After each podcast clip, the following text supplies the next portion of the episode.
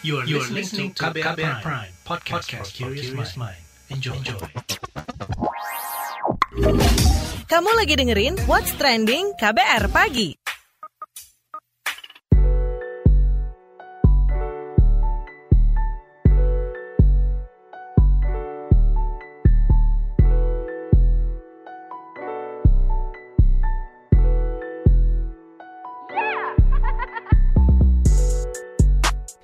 Pagi, siaran pagi radio paling update. Selamat pagi. Apa kabar Anda hari ini di hari Kamis 18 Maret 2021? Ketemu lagi dengan saya Don Brady di What's Trending KBR Pagi. Kita ngobrolin soal perkara lencana buat para pelapor aktif. Jadi sudah sejak beberapa waktu yang lalu, Bareskrim itu punya satuan kerja baru yang bernama Virtual Police. Tugasnya itu memantau jagat media sosial dan memberi teguran apabila terdapat konten yang berpotensi melanggar hukum pidana. Sementara ruang lingkup kejahatan siber yang selama ini ditangani Direktorat Tindak Pidana Siber di antaranya adalah penipuan online, pencurian data, pornografi online, pencemaran nama baik, hingga ujaran kebencian. Dilihat dari laman patrolisiber.id, jumlah aduan masyarakat beragam setiap kategori. Aduan masyarakat melalui patrolisiber.id terkait penipuan ini ada lebih dari 1.700 aduan. Kemudian aduan terkait penghinaan atau pencemaran mencapai 460-an, sementara itu aduan soal hoax hingga lebih dari 90 dan aduan mengenai provokasi atau penghasutan hampir mencapai 40 aduan. Kini lewat akun Twitter Siber Polri mengumumkan adanya Badge Award, yakni penghargaan badge atau lencana kepada masyarakat yang aktif berpartisipasi melaporkan dugaan tindak pidana di media sosial. Beragam komentar pun mewarnai pengumuman ini. Seperti opini warganet plus 62 berikut ini.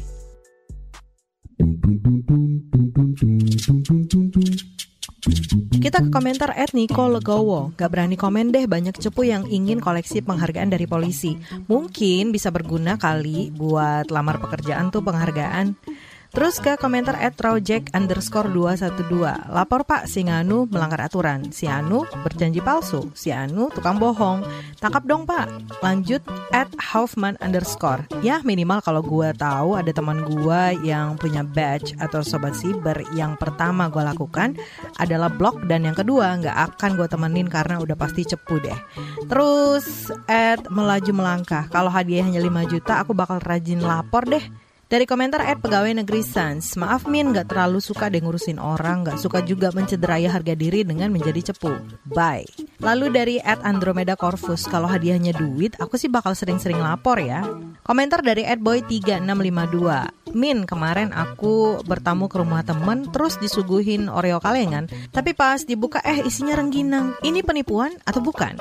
Lalu dari at Comvenis, kalau bisa disaring lagi ya pak, mana laporan yang benar-benar penting atau mas masalah sepele biasa yang bisa diselesaikan secara damai. Dari at Andi underscore DS, mending nangkepin akun-akun penipu dulu deh. Lalu at sapu-sabu, kalau ngadu SMS investasi bodong bisa dapat badge nggak ya? Serius deh nanya, kayaknya itu lebih penting deh daripada apa pun di masa pandemi ini, menyelamatkan masyarakat yang literasi keuangannya rendah, daripada masyarakat yang julitin pemerintah, toh nggak ada real damage-nya. Komentar at Hendrik B underscore Anto, kalau yang melakukan penipuan atau pelecehan secara online ditindak juga nggak nih? Dari at RNLDPT GJ, good job maksudnya. Polisi siber terbaik main sosmed aman bersama polisi siber. Dan terakhir komentar at just underscore si kumbang. Dengan diprosesnya tiap pelaporan hukum yang dilaporkan, itu sudah merupakan suatu penghargaan dong bagi masyarakat. What's Trending KBR Pagi Balik lagi di What's Trending KBR Pagi, kita ngobrolin soal perkara lencana buat para pelapor aktif. Juru bicara Mabes Polri Ahmad Ramadan mengklarifikasi bahwa Badge Award merupakan penghargaan bagi masyarakat yang membantu tugas Polri. Namun, ia menegaskan Badge Award ini masih sebatas rencana dalam diterapkan. Ini dia penuturannya dalam konferensi pers di kanal YouTube Divisi Humas Mabes Polri hari Rabu kemarin.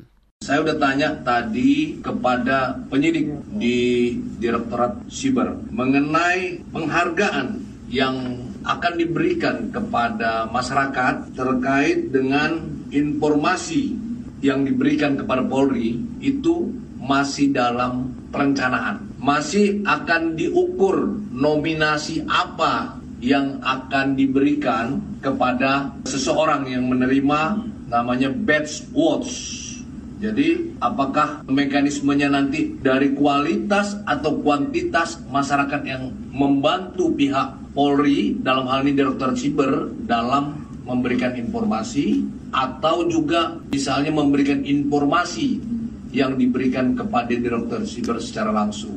Ini belum final tapi memang sudah dalam tahap perencanaan. Ya namanya nanti Badge Watch. Jadi berupa penghargaan yang akan diberikan oleh Direktorat Siber kepada masyarakat ya.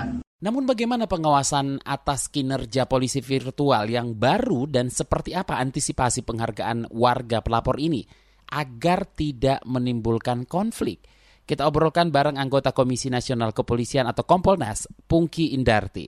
Oke, Kompolnas menilai seperti apa urgensi dibentuknya polisi virtual beberapa waktu lalu nih? polisi virtual memang uh, perlu ya buat kami ya karena kan ini kan merupakan tindakan preventif gitu ya uh, pencegahan. Nah uh, pencegahan tetapi di dunia maya gitu. Jadi beda kalau uh, di dunia nyata misalnya ada Babin Kamtipmas gitu untuk preventif. Uh, nah kalau uh, kaitannya dengan uh, polisi virtual ini juga sambil sebetulnya melakukan edukasi kepada masyarakat agar masyarakat memahami apa-apa yang um, merupakan bagian dari kebebasan berekspresi, kebebasan berpendapat dan mana-mana yang misalnya merupakan uh, hal-hal yang uh, terkait dengan uh, pelanggaran atau tindak pidana. Nah, jadi uh, di situ sih se sebetulnya lebih bersifat edukasi karena memang mesti harus disadari bahwa pada apa namanya masa uh, Orde Baru, saya perlu mengacu pada masa yang lalu itu kan e, masyarakat dibungkam tuh nggak boleh ngomong gitu kan. Nah setelah reformasi masyarakat e, bebas untuk berpendapat, bebas berekspresi. Tapi di sisi lain e, juga diikuti dengan perkembangan teknologi teknologi komunikasi, informasi gitu ya. Nah, jadi harus diakui bahwa nggak semua masyarakat misalnya sadar atau paham dengan apa yang dimaksud dengan kebebasan berekspresi, kebebasan berpendapat gitu. Nah, kadang-kadang uh, ketika menerima informasi-informasi dari ya dari gawai gitu ya, dari gadget gitu, uh, dianggap itu sebuah kebenaran dan kemudian langsung diposting, di forward ke yang lain-lain. Nah, padahal uh, itu ketika uh, seharusnya dicek ya, ketika dicek ternyata memang memang misalnya berita hoax. Nah, untuk mencegah seperti itu dan mencegah jangan sampai terjadi konflik uh, sosial gitu ya karena berita-berita yang keliru tadi diposting, maka uh, perlu ada pendidikan melalui polisi virtual. Nah, tapi memang harus hati-hati nih polisi virtual. Jangan misalnya polisi virtual nih kemudian jadi uh, overreacted kasus.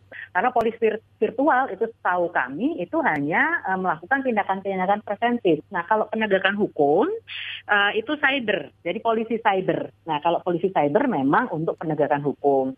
Nah uh, apakah uh, polisi cyber perlu turun nih? Nah kalau polisi cyber itu uh, turun berarti kan perlu harus ada pengaduan karena ini memang delik adu pengaduan hmm. uh, kaitannya dengan apa namanya eh, kasus-kasus penghinaan atau pencemaran nama baik itu kan mesti harus ada laporan dulu. Nah kalau apa namanya uh, polisi cyber sudah turun, uh, tetapi laporannya belum ada. Nah ini juga kami pertanyakan, kenapa mesti harus menggunakan uh, kekuatan yang seperti itu? Kenapa tidak misalnya uh, tadi dengan polisi virtual ya, kalau misalnya nggak diindahkan uh, apa yang sudah disarankan gitu ya misalnya gini uh, komentar anda uh, ini berpotensi melanggar hukum misalnya. Kalau itu tidak dihiraukan dalam uh, berapa kali berapa jam gitu. Uh, mungkin satu kali 24 jam atau apa itu mesti harus di take nah misalnya itu tidak diubah nah deketin aja dengan babin kamtipmas kan ini masih sifatnya preventif, edukatif gitu ya. Hmm. Nah, saya melihatnya seperti itu ketimbang misalnya polisi menggunakan penegakan hukum gitu. Lalu bagaimana Anda menanggapi adanya badge award bagi masyarakat yang secara aktif melaporkan akun-akun yang diduga melanggar pidana? Iya, kalau itu memang eh, kami mendukung upaya Polri untuk melibatkan partisipasi masyarakat gitu ya dalam eh, sama-sama kita ingin nih ruang demokrasi kita ini demokrasi yang sehat, demokrasi yang tidak saling membenci, demokrasi yang justru menguatkan satu sama lain itu penting. Nah, tapi memang mesti harus dicek atau harus dilihat nih masukan-masukannya seperti apa. Kalau masukan-masukannya misalnya eh, hal-hal yang nggak kontekstual, nggak sesuai dengan konteks di situ, misalnya ada yang aneh-aneh, misalnya eh, di sini ngomong kalau misalnya ada sesuatu mohon dilaporkan gitu. Nah kalau eh, orang yang memang benar-benar pengen menjaga ruang eh, demokrasi kita ini lebih baik, orang pasti punya punya apa ya punya tanggung jawab tuh untuk misalnya kalau e, membuat laporan laporan yang benar atau kalau misalnya nggak ada masalah ya nggak usah di ini nggak usah apa komentar-komentar yang lucu-lucu gitu. Nah ini perlu dievaluasi juga oleh Polri apakah program ini efektif e, menyasar e, partisipasi masyarakat. Nah kalau ternyata tidak efektif ya memang harus dihentikan. Tapi kalau ternyata efektif ya perlu dibukalah ini ruang partisipasi publik. Terima kasih anggota Komisi Nasional Kepolisian atau Kompolnas Pungki Indarti. What's trending KBR pagi? Di tengah gelombang demonstrasi terhadap aksi kudeta yang dilakukan junta militer, masyarakat Myanmar terancam kelaparan. Lembaga Program Pangan Dunia WFP mengungkapkan, masyarakat miskin Myanmar akan terancam kelaparan di tengah krisis akibat kudeta dan kenaikan harga pangan serta bahan bakar. PBB mengatakan sejak Februari lalu, harga minyak sawit naik 20 persen, beras naik 4 persen di Yangon dan Mandalay. Bahkan harga beras melonjak hingga 35 persen di negara bagian Kachin. Sementara itu harga bahan bakar naik 15 persen di seluruh wilayah Myanmar. Kenaikan bahan bakar ini diduga memicu kenaikan harga pangan. Kenaikan harga pangan ini dianggap mengkhawatirkan sebab Myanmar harus menghadapi persoalan kudeta dan pandemi COVID-19. Gelaran All England 2021 terganggu akibat maraknya kasus COVID-19 sebelum dilaksanakannya turnamen pada Rabu kemarin. Kasus pertama muncul dari tim Denmark di mana asisten pelatih mereka positif COVID-19. Di tim India pun terdapat tiga pebulu tangkis dan satu staf yang dinyatakan positif COVID-19. Pelatih India, Matthias Boy, mengaku heran dengan kejadian ini, sebab seluruh tim telah menjalankan protokol kesehatan yang ada. Saat ini pihak BWF dan panitia penyelenggara menunda laga babak pertama dan menunggu hasil tes ulang dari tim Denmark, Thailand, dan India. Bahkan para atlet dan pelatih tim di Denmark tengah melakukan isolasi di hotel tempat mereka menginap. The Academy for Motion Pictures Arts and Science mengumumkan nominasi Oscar ke-93. Film Mank memborong 10 nominasi termasuk film terbaik. Sedangkan film Minari mendapatkan 6 nominasi dan salah satu pemainnya Stephen Yeun menjadi aktor Amerika Asia pertama yang dinominasikan menjadi aktor terbaik di Academy Awards. Bahkan Yeon Yeun menjadi aktris Korea pertama yang didominasikan untuk kategori acting di Oscar. Sementara itu, mendiang Chadwick Boseman melalui filmnya Ma Rainey's Black Bottom meraih nominasi aktor terbaik dengan status Anumerta.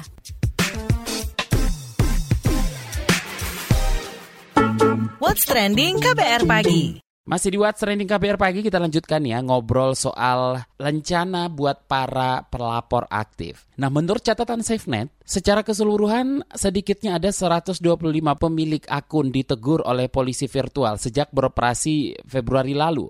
Lantas seperti apa pandangan SafeNet soal pemberian badge itu?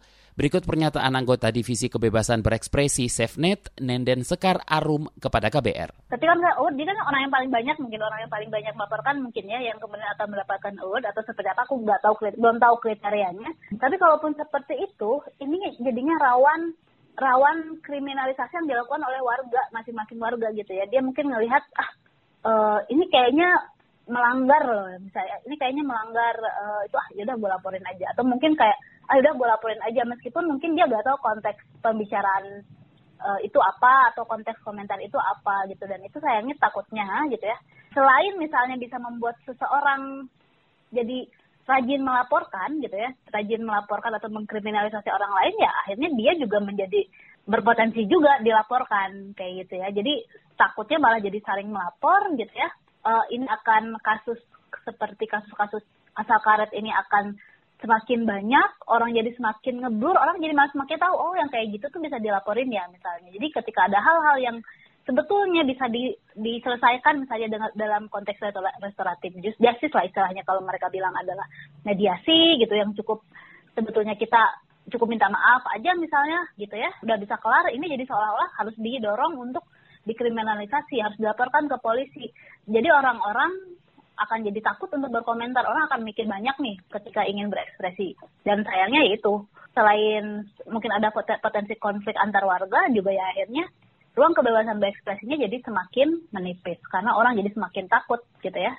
Takut dilaporkan, dan mungkin jadi lebih rajin melaporkan. Dan ya sayangnya itu kalau diteruskan juga akan menjadi budaya ya, jadi budaya mengkriminalisasi orang cuman gara-gara misalnya komentar atau ekspresi orang tersebut di internet.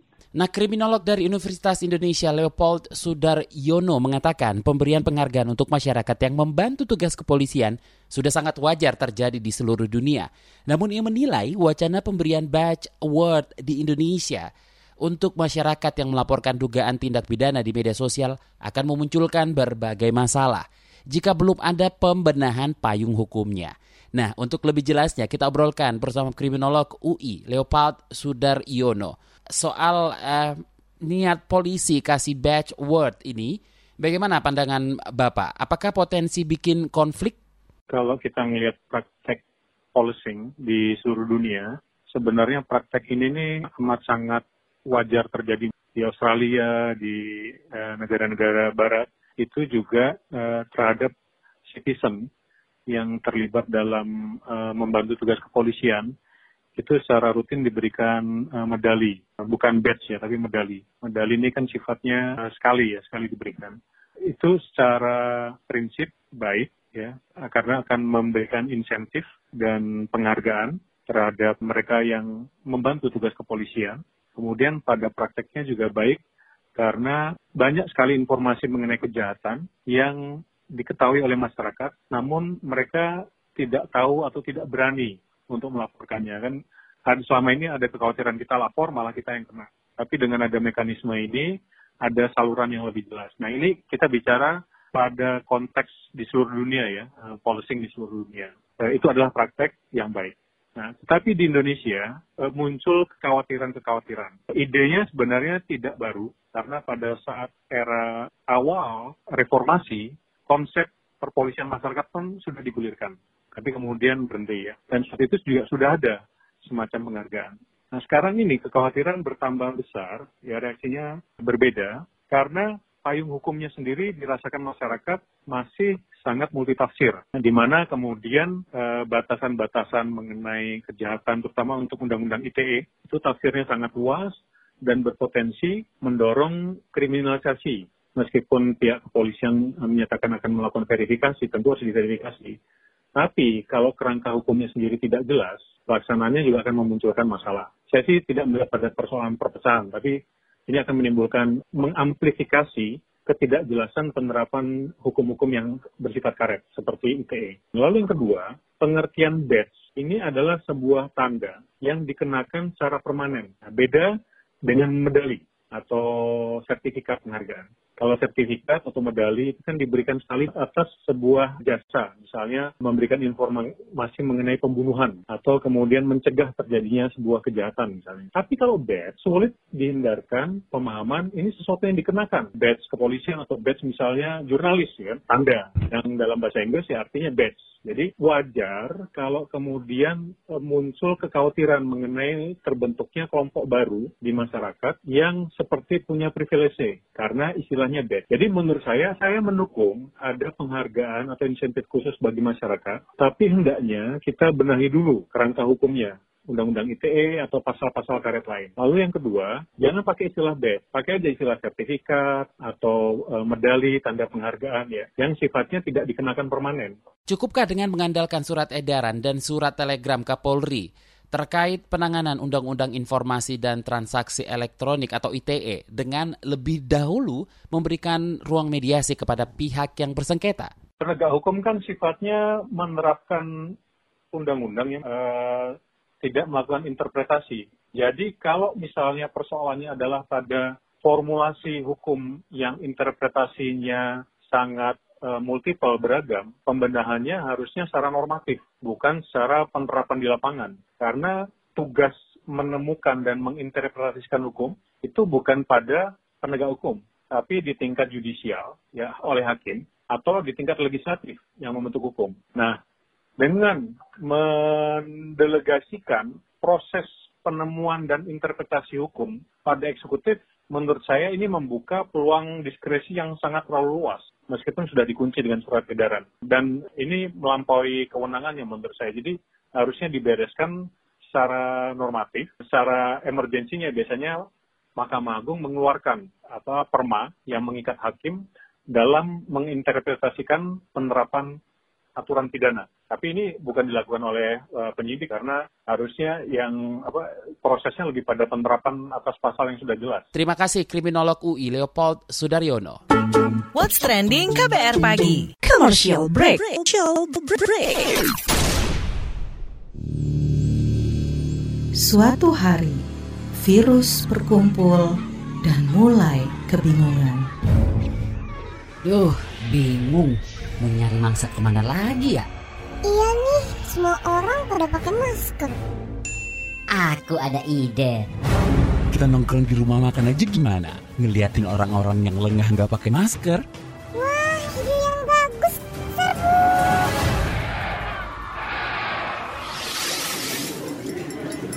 Hati-hati makan bersama saat pandemi. Sebaiknya pilih ruang terbuka, tetap jaga jarak kamu 1,5 meter jika duduk bersebelahan, 2 meter jika berhadapan. Batasi waktu makan bersama 30 menit saja dan jangan berbicara saat makan. Jika sudah selesai, gunakan kembali maskermu ya. Jangan sampai lengah, COVID masih ada. COVID masih ada. Pesan layanan masyarakat ini adalah kampanye bersama media lawan COVID-19. What's trending KBR pagi?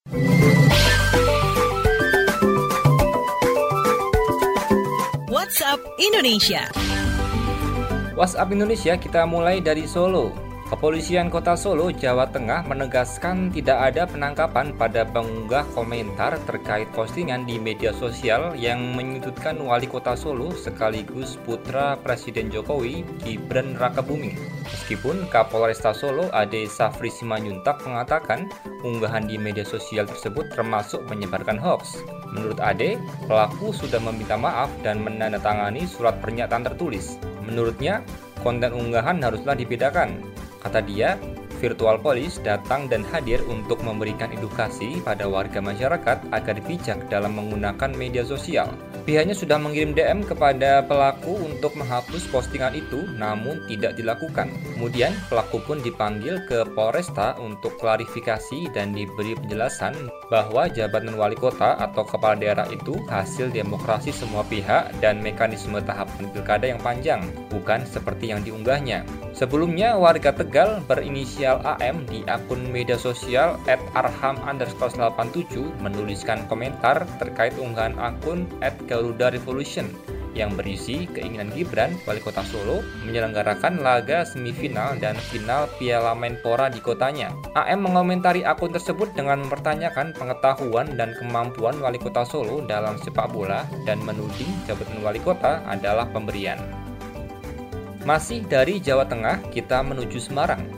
Gubernur Jawa Tengah Ganjar Pranowo berencana memperketat aturan mudik lebaran 2021 dengan menerapkan disiplin protokol kesehatan pada sistem transportasi. Hal tersebut menyusul adanya pernyataan tak ada larangan mudik lebaran dari Menteri Perhubungan Budi Karya Sumadi. Ia meminta pemerintah daerah untuk menjaga seluruh pintu masuk ke daerah sebagai langkah antisipasi serta melakukan pengecekan kesehatan menggunakan Jinos kepada pemudik yang memakai kendaraan pribadi. Pengecekan dengan Jinos menurutnya bisa menjadi alat yang praktis karena bisa mendeteksi dalam waktu singkat. Ganjar mengimbau kepada masyarakat meski diizinkan mudik, namun pelaksanaannya tak boleh disamakan seperti mudik sebelum pandemi. Ia menekankan kepada masyarakat untuk tetap menerapkan protokol kesehatan. terakhir mampir ke Kalimantan Selatan. Pemerintah Kalimantan Selatan mendorong pondok pesantren memberdayakan ekonomi kerakyatan di tengah pandemi COVID-19. Pondok pesantren pun ingin dijadikan sebagai sumber pertumbuhan ekonomi baru di Kalsel. Pemerintah menilai ada banyak potensi ekonomi dengan mencanangkan berbagai program usaha sebab terdapat 242 ponpes di 13 kabupaten kota di Kalimantan Selatan. Pemerintah ingin Ponpes tak hanya menjadi sumber pengembangan pendidikan dan sumber daya manusia, namun juga membantu Kalimantan Selatan keluar dari ketergantungannya terhadap sektor pertambangan batubara. Melansir antara news, sejumlah usaha yang dinilai potensial di pondok pesantren adalah pertanian, perikanan, perkebunan, peternakan, dan usaha mikro kecil dan menengah atau UMKM. Banyaknya jumlah pondok pesantren dianggap mampu membentuk sebuah jaringan bisnis sehingga diharapkan mampu mendorong produksi dan pemenuhan kebutuhan di Kalimantan Selatan. Demikian WhatsApp Indonesia hari ini. Demikian KBR pagi hari ini. Jika Anda tertinggal siaran ini, Anda kembali bisa menyimaknya di podcast What's Trending yang ada di kbrprime.id, di Spotify, atau di aplikasi mendengarkan podcast lainnya.